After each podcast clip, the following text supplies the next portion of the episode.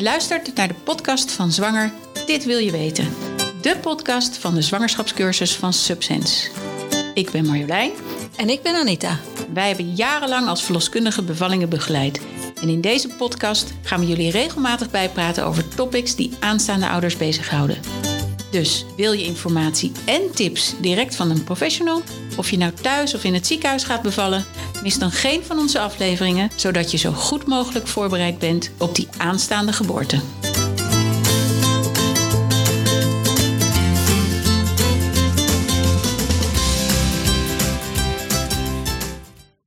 Nou, we zijn weer eens in de studio beland en we doen vandaag een interview met Hanneke Termeer. Welkom. Hanneke is eh, wat ons betreft een deskundige op vele vlakken, want ze is verloskundige. En daarna is ze psycholoog geworden. En daarna is ze nog seksuologie gaan doen. Dus zij kan ons van alles vertellen over eh, het hele traject. Eigenlijk vanaf het begin tot lang na de geboorte. Als het leven weer normaal gaat worden. Ja. Van verloskundige naar seksuologe nu. Hè? Ja. Heeft het een het ander getriggerd? Ja, ik was verloskundige en eh, hartstikke leuk vak.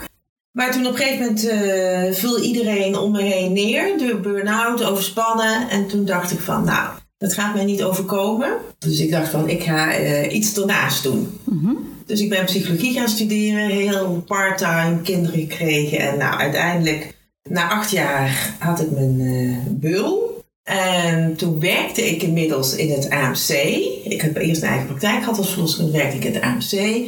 En toen was ik dus eh, verloskundige en psycholoog. Die gynaecologen zeiden meteen, goh, dan ga je de zwangere maar begeleiden. Ik dacht, nou, ik ben een beetje klaar met, met die zwangere. En toen liep er eigenlijk ook een, een man rond die altijd wel imposant was. Rick van Lunsen, een begrip. Ja. Ja, op dezelfde gang. En toen Ja. dacht ik van, goh, ik moet hem eens aan zijn jasje trekken. Zo gezegd, zo gedaan. En toen ben ik met hem eens mee gaan lopen, want ik dacht, goh, ik ben verloskundige, om antwoord op jouw vraag te geven, en psycholoog. En eh, seksologie leek mij dat daar van alles, dat er alles samenkwam. En Ja. het medische, het psychologische, biopsychosociaal. Nou, en dat is dus ook echt zo. Ja. Dus zo ben ik eigenlijk heel pragmatisch seksologie gaan doen. Maar het heeft, wel, eh, het heeft me in zoverre wel eens getriggerd tijdens verloskunde. Ik weet nog wel dat het, dan zat ik, was achteraf een beetje bedacht, of die link. Maar dan zat ik wel eens bij, bij een barende, weet je wel. Wij werden bij 1 centimeter ouderwetse opleiding, bij Ja. 1 centimeter uit. Ja. Wij zaten de hele nacht weeën observeren. En dan dacht ik altijd, als die vrouwen helemaal op slot zaten, hoe doen ze dat met seks? Ja. En toen dacht ik van ja, dat is ook zo. Want bij een bevalling, zo leg ik dat ook eigenlijk altijd uit. Het is geen harde wetenschap, maar ik, ik, sta, ik weet zeker dat het zo is. Bij een bevalling, nou, je hebt de oxytocine nodig om de weeën toe te laten. En als, het, als je dat inderdaad toe kunt laten, dan helpt de endorfine mee. En zo is lijf en geest in de goede, goede flow. Nou, en dat is eigenlijk bij seks precies hetzelfde. Want bij seks het lijf moet te doen. Het brein moet gevoed worden met erotiek, wat het ook mag zijn. En als dat loopt, dan zit je ook in de goede flow bij seks. En als er bij seks stoorzenders komen binnenvliegen, die er natuurlijk mee, of, of hier in het hoofd, of eh, geen goede stimulatie van het genitaal, zeg maar, van de erogene zones. Nou, dan krijg je eigenlijk ook een soort storing, een disconnect, hoofd, lijf, waardoor de seks ook eh, ingewikkeld wordt. Dus dat, Ja. die, Nee. die kop, die relatie, zie ik echt Die zo met makkelijk. die samenwerking Ja. lijf-geest. Ja, je kan wel bij ons eh Komen cursus werken. eh, ja, kunnen we niet geven. een... eh, Ja, nee, wij, wij hebben het daar ook over. Hè? Die oxytocine en eh, ook het parasympathische zenuwstelsel. Hè? Want dat is ook waar, waar seks bij hè? is. Zonder rust en sfeer is seks ook minder makkelijk. Ook bevallen, dat vindt plaats in het parasympathische zenuwstelsel. Seks tijdens de zwangerschap. Voor wie is dat nou de grootste uitdaging? Voor de zwangere of voor de vader? Ik denk tijdens de zwangerschap, tijdens het zwanger worden. Nee, tijdens de zwangerschap. tijdens Want je, je hoort heel vaak dat vaders zeggen van... wow, maar daar kom ik niet meer aan hoor. Want stel je nou toch voor dat ik iets beschadig. Ja. Ja, dus echt gewoon op seksueel gebied, of nu dus bij de zwangerschap, maar ook bij als vrouwen de overgang komen, dat, er, dat de educatie ontbreekt. Is met zwangerschap ook natuurlijk. Hè? Er zijn nog Ja. steeds van die oude gedachtes. Oké, ik kom met die penis in die vagina en dat, dat gaat rechtstreeks naar die baby toe. Ja. Dus het is ook logisch en ook best wel schattig dat mensen daar voorzichtig mee zijn. Heel onterecht, omdat ze de goede educatie niet hebben. Ja. Dus de uitdaging, ja, voor wie het grootste is. Maar ja, ik weet niet of ik het een uitdaging zou noemen. Misschien bijna meer een beetje angst. Hè? Dat, Ja, dat, ja. Dat, dat ze het uit de weg gaan. Nou, vrouwen En- zeggen ook wel eens- vermijden. klaarkomen tijdens, die, tijdens de zwangerschap vinden ze soms ook eng. Want, want die baarmoeder gaat samenknijpen. Ja. Dus dat is voor vrouwen ook soms wel weer lastig. Ja. Of wat Ja. lastig kan zijn is misschien geen zin. nou, ja, ik denk als verloskundige spreek je ook in de trimesters. En ik denk het eerste trimester van de zwangerschap. Ja, dus Ah. het is van 0 tot 16 Ja. weken. Als je, als je het weer een beetje kijkt, bio, psychosociaal. Want dat is Mhm. altijd leuk van seksologie. Ik bekijk het nooit vanuit één kant. Nou, het medische, het biologische. Ja, zwak, ziek en misselijk. Veel Ja. vaak. Ja. Waar je niet het prettigste bij voelt. Dus heel veel vrouwen talen niet naar seks Nee. omdat ze eh, zwak, ziek en misselijk zijn. Dus dat is een beetje het, het medische. Het, het psychologische, nou ja, dat, dat overlapt elkaar natuurlijk allemaal. Maar dat is toch wel die eerste vier maanden angst voor een miskraam. Zeker, ja. En het is natuurlijk ook wel zo, als vrouwen een beetje bloedverlies hebben, dan is het ook gecontraindiceerd. Ja. Ja. Dan mag om, je... om seks hebben. Dus, dus er klopt wel iets van, maar het is een beetje Over de top ja, gaan, ja. ja. ze hebben de klok horen luiden. Wat vaak natuurlijk is met wetenschap, dat je er iets van af weet en dat je daar een beetje je eigen waarheid op gaat ja, ja, ja. baseren. Ja, ja. Dus dat is natuurlijk wel een beetje, doe maar voorzichtig, die miskraam kan er komen. Dus laten we maar niet, laten we maar niet te veel seks hebben. Dus dat is eigenlijk het eerste trimester. En het tweede trimester, nou, dat is vaak voor de zwangere een goede tijd. Hè? Voel je je goed, je, je, Ja. eerst iets gedaan, die buik zit nog niet in de weg. En je zit natuurlijk eh, in je piek van je oestrogenen. Wat ervoor zorgt dat je fysiek eigenlijk altijd in de staat van opwinding bent. Ja. Fysiologisch, want Ja. alles is door bloed. Ja. Dus die hele vulva is ook minder door bloed. Wat is opwinding? Opwinding is niet meer dan meer door meer bloed in de bloedvaart. Dus wat dat betreft, fysiologisch, eh, bevindt zich een vrouw steeds in staat van opwinding. Maar wat, wil, wat nog niet wil zeggen, Dat dat dat hoofd in staat van opwinding is. Dus dat de beleving erbij is. Ja, ja, er komt Want- zoveel meer kijken hè, bij, bij seks. Hè, want eh, ik hoor ook wel eens vrouwen zeggen... ja, ik voel me niet aantrekkelijk met die buik. Of de onzekerheid, dat is dan weer dat hoofd. Ja. Wat dan misschien kan Ja. zorgen voor een blokkade. Ja, ja. Dus dat is eigenlijk dat tweede trimester biologisch eh, piek van de oestrogenen. Dus fysiek zou je eh, zeggen, maar bij vrouwen gaat dat niet zoals bij mannen. Ik ben fysiek opgewonden, dus ik ben ook zeker nee, vrouwen gaan veel op beleving af. Maar je ziet wel dat, dat, dat hoor je ook vaak, hè? Dat, is, dat vrouwen juist heel opgewonden zijn, dat, ze- dat ze veel zin in seks hebben. Maar dat het natuurlijk eh, per zwangere kan verschillen. Ja. Ja. Ja, zeker. Ja. zeker. Ja. Hey, en hoe flexibel moet je zijn om seks te hebben in het derde trimester bijvoorbeeld? En Hè? flexibel, wat bedoel je Ja, daarmee? fysiek flexibel. Ja, acrobatiek. Ja, hoe acrobatisch moet je zijn. Hè, Je moet natuurlijk wel je, je fantasie een beetje gebruiken. Het Nou is ja, niet, de eh, vraag is of je seks penetratie noemt. Ja, dat is natuurlijk een hele Dat is goeie de- van jou. Wat Ja. is seks? Ja, Ja, Ja, dat is, dat is natuurlijk een hele goeie. Ja. Wat is Ja. seks? En dat is, eh, nou ja, bij, daar begin ik ook al met praatjes mee. Bij de meeste mensen is seks penetratie. ja. Maar seks is natuurlijk eh, meer, dan. Penetratie. En nou ja, inderdaad, de meeste, de meeste vrouwen hebben denk ik het derde trimester, de laatste weken, wat, wat minder behoefte vaak aan penetratie. Van, van ja, ze moeten daar toch een goede houding voor vinden. Maar dat, dat hoeft helemaal niet, hè? Nee, nee. Maar als je het een beetje door de bank genomen, als je het Ja. een beetje zo bekijkt.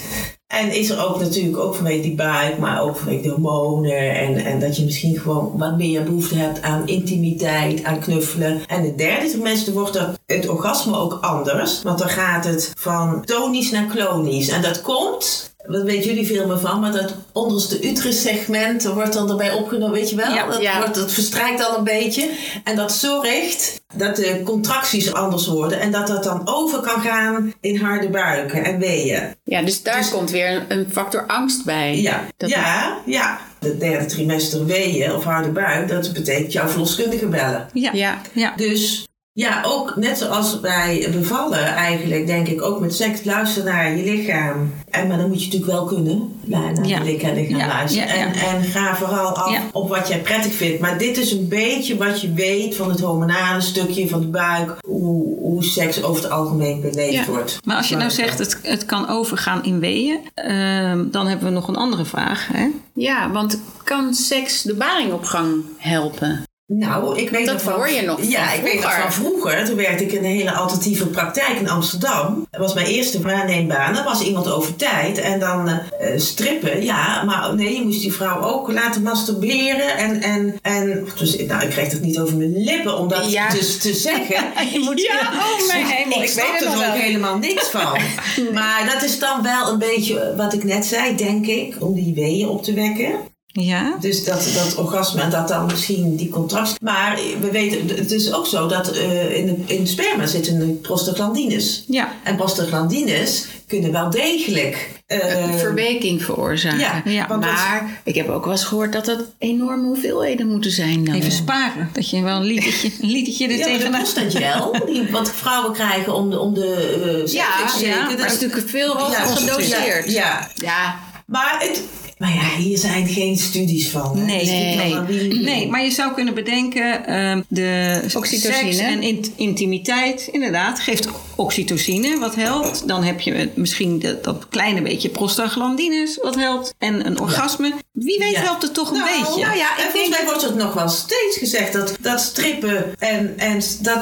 Ik, ik weet dat ik dat ook altijd zei. Ja, Seks helpt soms ook. Ah, want zei ik er altijd wel bij.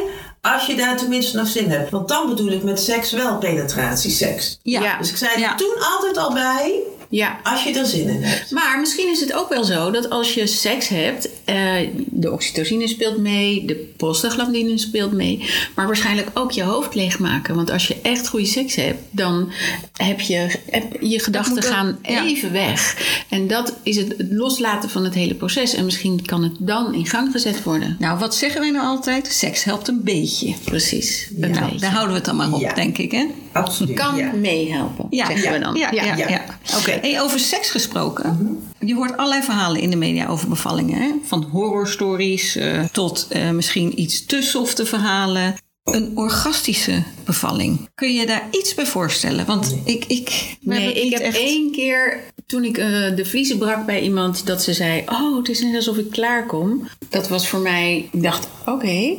Maar verder, ik heb een orgastische bevalling nog nooit meegemaakt. Of misschien zeggen mensen het niet. Nee. Nou, ik weet dat ik les van Rick Verluns had en die verkondigde ook dat vrouwen een orgasme. is echt Dus een man. meteen een op. Ik zei, nou, ik wil niet veel zeggen, maar ik heb duizend bevallingen gedaan. We leven nooit een orgasme.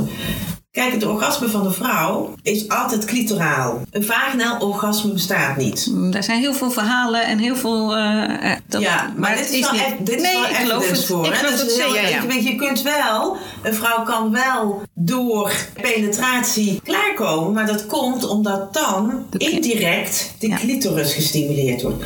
Want de vagina is het bariskanaal, zeg ik altijd. Het is maar goed dat daar niet krioelt van de zenuwtjes. Nee, want dan want zou het kind nog- doorheen. Ja, dan zou dat het is vooral voorlichting die ik ook aan mannen geef. Dus nee, ik, nee, nee, nee, dat vrouwen Kan je na- niks bij voorstellen? na nee, ik heb het nog nooit... eh, Nee, wij ook niet. Nooit meegemaakt, maar nee. punt. Nou, dat is mooi. En, en als, als vrouwen dat, ja, als, als ze dat zo ja. ervaren, prima. Want Tuurlijk. het kan wel zo, zoals jij net zegt, die vliezen breken, dat je pang, weet je wat, zo'n soort ontlading.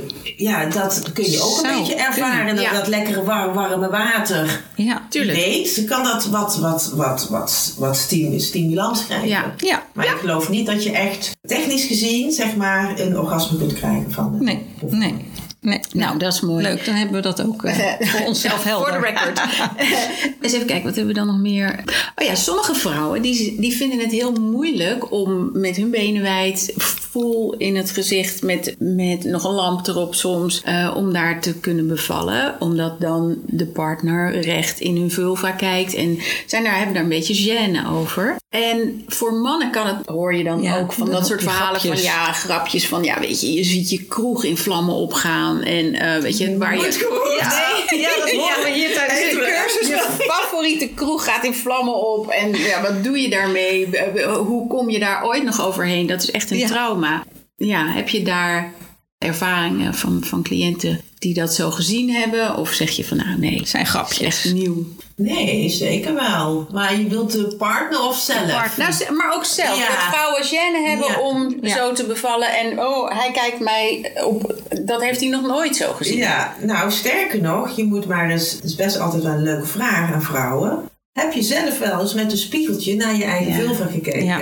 Ja, dat kijken wij dat, dat, pod- podcast, dat, eh, over. Ja, dat vertellen Ja. wij ook altijd. En veel af- vrouwen doen dat niet. En afgezien dat we, dat we daar als vrouw een spiegeltje nodig voor hebben, Ja. speelt jij een andere rol. Hè? Want ik zeg altijd, als, je, als jij iets, iets op, op je rug hebt, een bultje, nou dan gaan we ons ook in alle posities dat we dat per se willen zien. Dat is iets, zet iets in de mensen. Hè? Als je iets voelt, wil je het zien. Ja. Dus al die vrouwen die ik zie die pijn hebben eh, met seks, of inderdaad die denken dat, dat, dat de, de ruptuur niet goed genezen is, nou ja, de bevalling is les 1, of les 1. Dat is gewoon vraag 1. Goh, heb je wel eens met een spiegeltje gekeken? Ja. Nou, en dat, er zit nog heel veel gêne eh, rondom het vrouwelijk geslachtsdeel. Ja. Ja. En, en dat is ook voor de zwangerschap. Ja, ja, het maar- zit ook verstopt, hè? Het is best lastig ook. Ja, maar kijk maar waarom vrouwen met licht uitvrijen. Ja. Maar toch wel eh orale seks heel lastig vinden. Ruik ik wel lekker? Ziet het er wel... Weet je wel, ze zijn natuurlijk wel heel erg gefocust op dat het geschoren is. En dat het lekker ruikt. En Ja. ze komen met bosjes. Nou, er wordt gelukkig wat minder die voor de labia. labium. Ja. productie, maar echt kijken. Dus dat, dat is, ehm, dat is, eh, dat komt zeker voor dat ze daarna, of, maar, maar dat daarvoor, dat het ook al is. Ja, ja. Dus eigenlijk zeg je van leer eerst jezelf eens goed kennen. Ja, En misschien ook met z'n tweeën. Tijdens je zwangerschap ga eens met z'n tweeën kijken Ja. van hoe ziet het er nu uit. En Ja. goh, ik voel dat het dikker wordt. Ja. Heel normaal voor de, de, de meer doorbloeding. Maar ga er eens eh, naar op zoek. want dan denken vrouwen, ik heb een verzakking. Nee, ze hebben geen Nee, verzakking, nee. het is gewoon meer door het bloed. Maar ik zeg er altijd bij, ze hoeven niet te gaan kijken van, goh, wat mooi, ik moet vriendin met mijn vulva worden. Dat, dat Ja, soort ja, ja, termen, ja. die hoor je dan. Ja. Nee, absoluut niet. Dat is, dat, daar ga ik niet over. Maar het, het is wel een deel van je. Van je lichaam. En, en, en ja. als jij, vooral als seksuoloog, als mensen klachten hebben van dat deel, ja, dan is wel eerst dat je zelf daar een beetje weet van moet hebben. Kennis mee moeten Ja, maken. ja. Ja. contact Dus met je hele lijf, dus ook met je vulva. Hey, En voor de mannen dan? Van die kroeg? Ja, ik denk toch altijd dat mannen, ja, Grapjes. grapje, een beetje onhandigheid. Maar dat is misschien ook een stuk onzekerheid Ja. en eh, stoerheid onder vrienden Ja. die, ja, die er Ja. thuis niet is. Ja, ja, ik dan ja. maar voor ze. Precies. Ja, ja. Ja. dus dat hoeft de seksualiteit later niet in de weg te zitten. Nou, maar het is wel zo, als dat, en daar moet je die mannen toch ook wel bij betrekken. Daarom, als mensen een partner hebben, nodig ook altijd de partner uit met een consult. Als die een hele vervelende bevalling gezien heeft, dan, eh, als ze onzeker zijn over wat, wat er gebeurd is, dan, is het natuurlijk een menselijke houding om je een beetje van te gaan distancieren. Ja. Dus je gaat het vermijden, ze gaan er met een hele boog mee. Maar dat is met een bevalling vaak ook wat ze dan gezien hebben met een vacuüm of, of Ja. een ruptuur. Dat ze zelf super geschrokken zijn. Dus dat Ja. het voor een man ook heel moeilijk is om die erogene zones weer als iets erotisch te gaan zien. Ja. Kan allemaal wel, maar het kost, het Ja, het kost het tijd. wel tijd. Maar het, het kan allemaal, maar het sleutelwoord is communicatie en, en ga eens kijken. Ja. Ja. Ja. Nou ja, dat is wat wij ook vertellen eigenlijk in de cursus. Dus Dat is dus allemaal voor de geboorte. En dan is die geboorte geweest. Is er misschien een klein eh, scheurtje gekomen. Of misschien is er een knip gekomen. Dan zijn er mensen die dat heel naar vinden. Of heel angstig bekijken. Van oh jee, maar dadelijk moet ik weer seks hebben. Heb je daar tips voor? Dan is het ook natuurlijk, wat is seks? Is seks penetratie? Dat, Ja. Met een knip. met een knip, eh, hoe, hoe ga je daar weer aan beginnen? Ja. En wanneer? Wat jij ook zegt, dan, dan moet ik weer seks hebben. Kijk, bij seks horen de werkwoorden Moeten niet. ontspannen, voelen en genieten. Ja, ja. Ja, tuurlijk. En als de werkwoorden moeten, willen en kunnen, dat, ja, dan zit je denk ik al een beetje. We moeten al zoveel. En seks is toch, het, hè, laten we eerlijk zijn, dat je daar een beetje lol aan beleeft. Wat je ziet, mensen, wel vrouwen die bevallen zijn, die hebben wel vaak dat moeten. Want ze denken van ja, ik, met die zwangerschap was het ook al niet zo, zoveel. En nu, na die bevalling, ja, het is een hele eh, ouderwetse gedachte, maar die zit er toch wel in. Ik moet, hij heeft daar ook recht op. Mijn partner heeft toch ook wel weer recht op seks. Want hij heeft al zo lang zonder moeten doen. Dat is toch een, een, een ja, zou je denken 2020.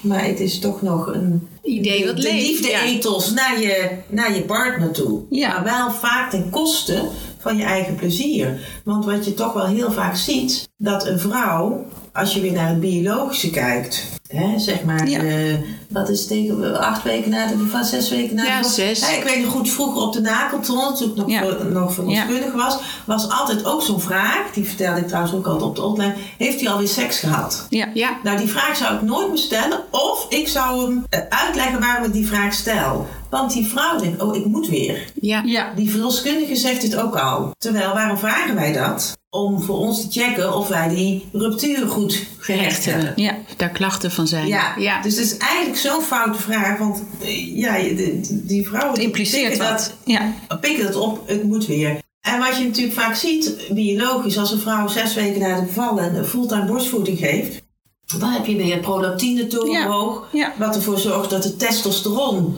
laag is.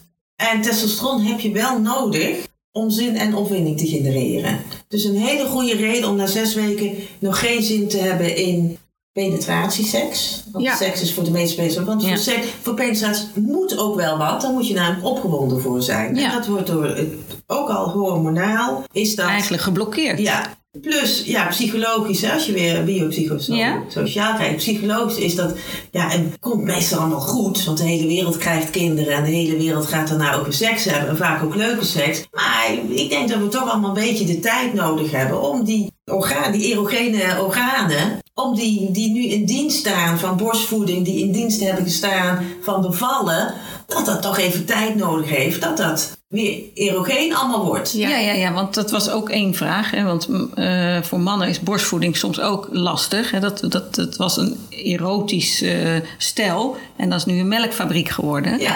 Hè, maar ja, dat zeg jij ook. Hè, dat, mo- moet de, dat moet de tijd hebben. Ja. Maar de behoefte loopt dan wel soms uiteen. Hè? Dus Ja, dat is wel een uitdaging Ja. om door communicatie Ja. waarschijnlijk. De behoefte loopt uiteen, inderdaad. En dan, ehm, maar die behoefte loopt vaak al veel eerder uiteen. Ja. Ik bedoel, Ja. mensen we hebben ook heel erg de neiging over die bevalling. Het is eigenlijk een beetje, tuurlijk, het is een, een, een levensevent. Maar de beste voorspelbare waarde is, hoe was de seks daarvoor? Hebben jullie daarvoor, konden jullie toen open over seks praten? Of niet? Of, of konden jullie toen aangeven wat je prettig vond, wat je fijn vond? Kijk, en we zijn natuurlijk, als je dat bij een bevalling kijkt, we zijn denk ik echt adaptieve wezens. Want als we bevallen zijn, we gaan groter wonen, we gaan minder werken, we gaan eh, misschien sportclubjes opzeggen. Weet je wel, we passen ons heel erg aan, behalve op seksueel gebied. Denken we, oké, Ja, dat, dat gaat we er gewoon door. op. Ja. Dan Ja. beginnen we met ons zeventiende mee en dan gaan we tot ons zeventigste. Gaat het allemaal op precies dezelfde manier verder. Maar Ja. zo, zo is dat niet. Maar dus eigenlijk hoor ik jou zeggen, dat is een hele grote valkuil. Dat, je, dat we in deze tijd alles maar willen. Ja. En, en Ja. eigenlijk er geen moeite voor willen Ja, doen. nou en dat, dat komt omdat dat mensen ervan uitgaan, dat is een beetje een erfenis van Freud, dat seks iets spontaans is. Hè? Freud gaat het seks onder dezelfde noemen als eten, drinken, slapen. Als je het lang genoeg niet doet, komt het vanzelf terug. Maar bij seks, Is no way. Hè? Als je een beetje psychologisch bekijkt, Ja. stimulus-respons. Seks is respons. Dus die stimulus, die stimuli, die prikkels, Ja. die moet je op een gegeven moment zelf ook weer gaan zoeken. Ja. En maar als je naar de bevalling kijkt, dan je, god, wat heb ik, waar heb ik nu behoefte aan? En dan zie je inderdaad de verschillen. Ja. Dat de vrouw veel meer behoefte heeft aan intimiteit. En ook weer omdat ze inderdaad met die borstvoeding eh, en die vermoeidheid als een vrouw, hè, ga, ga je zelf maar na. Tenminste, ik, ik, als ik dat bed zag, ik wilde gewoon slapen. Ja. Ja. Ja. Ja, dus je hebt inderdaad andere behoeftes. En dan, ja, dan is het toch een beetje degene die het hardst gaat. De partner, zeg maar. Die past. Het, toch, die moet toch het tempo aanpassen van degene die het langzaamst gaat. ja. Hè? Ik vergelijk het maar met sport. Ja. Dan, de- Ja. dan krijg je ook blessures. Bij seks precies hetzelfde. Als dat verschil bestaat, dan komt dat werkwoord moeten, lukken en werken erin. Ja, oké. Hey, en in de cursus leggen wij uit dat, nou, dat je moe bent en dat je dus niet het idee hebt van: goh, we gaan vanavond gezellig met z'n tweeën eh, een feestje bouwen, seks hebben. Ehm, dat dat misschien nog wel een hele tijd gaat duren voordat je dat gevoel weer terug hebt. En ehm, we leggen dan uit van goh, maak, maak eens ruimte voor elkaar en zorg dat je een kruis in je agenda zet van goh, dat wordt onze avond. En dan eh, zorgen we dat we oppas hebben. Dan doen we misschien een, een dinertje bij kaarslicht of whatever gets you in the mood. dat zeggen wij van, goh, maak daar dus echt tijd voor en zet dat kruis in je agenda. Hoe kijk jij daarnaar? Precies hetzelfde. Oké.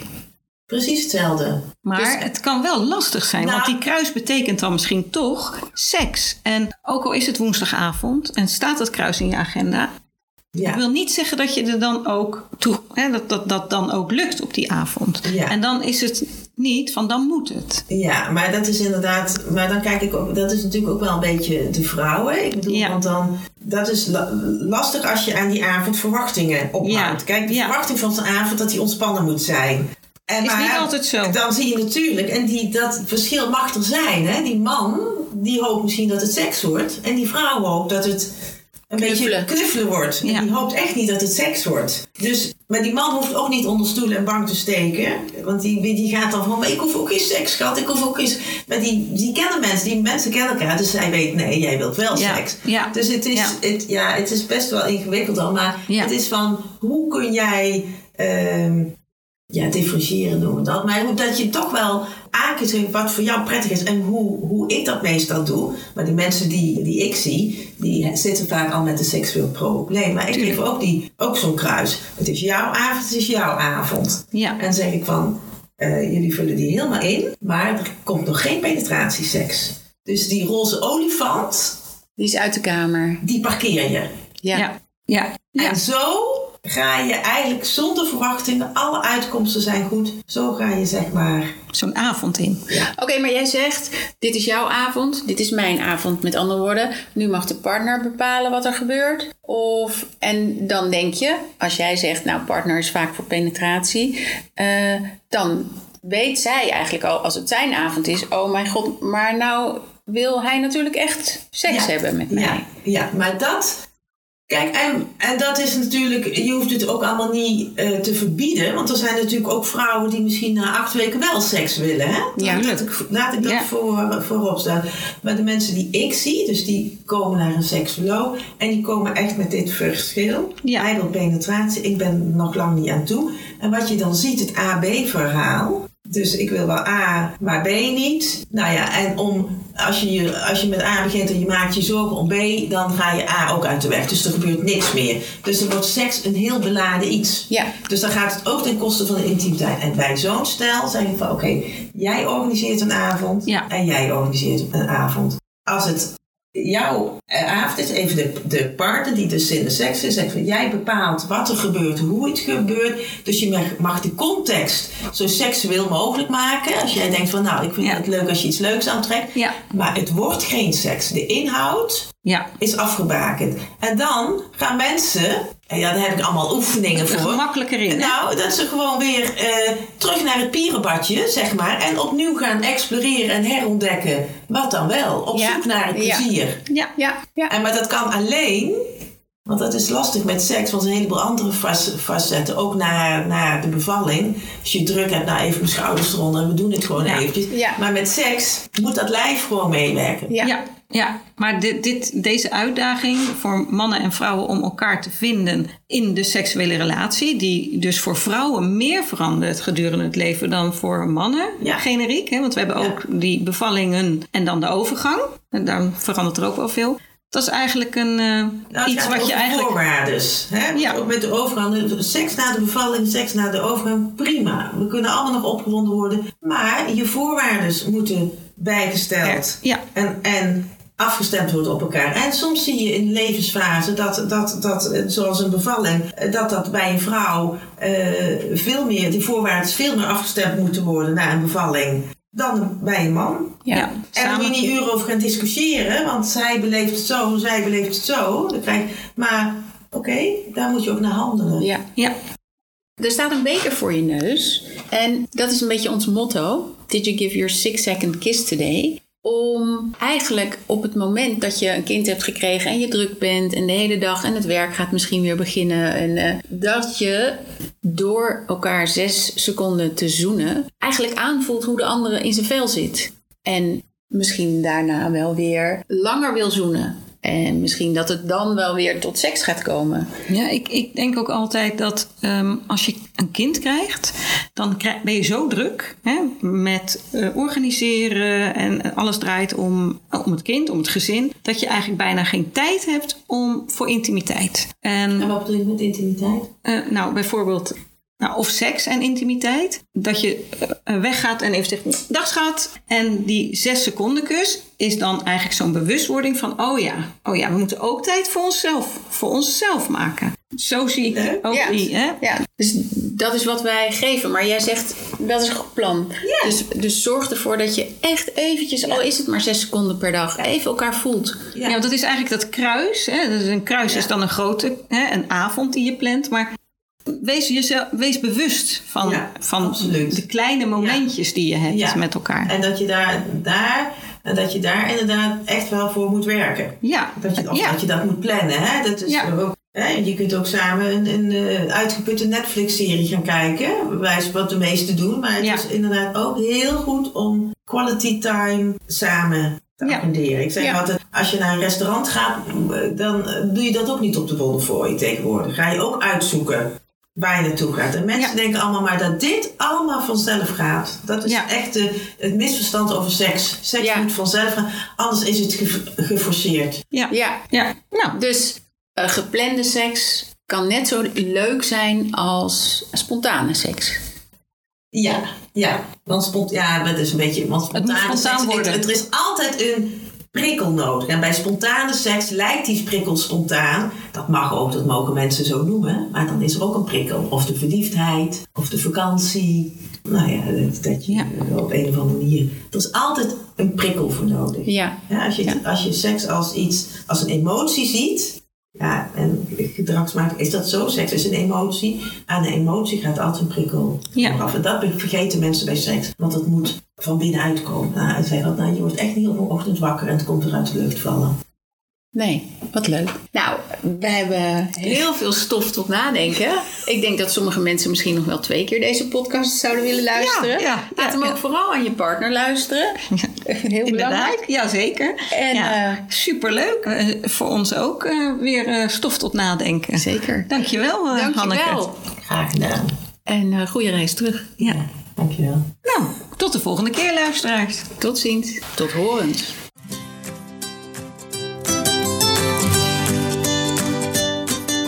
Je luisterde naar de podcast Zwanger, dit wil je weten van Subsense. Mede mogelijk gemaakt door Koffiecode Podcast. Je kunt ons volgen via Insta, Facebook, LinkedIn en onze site www.subsense.nl.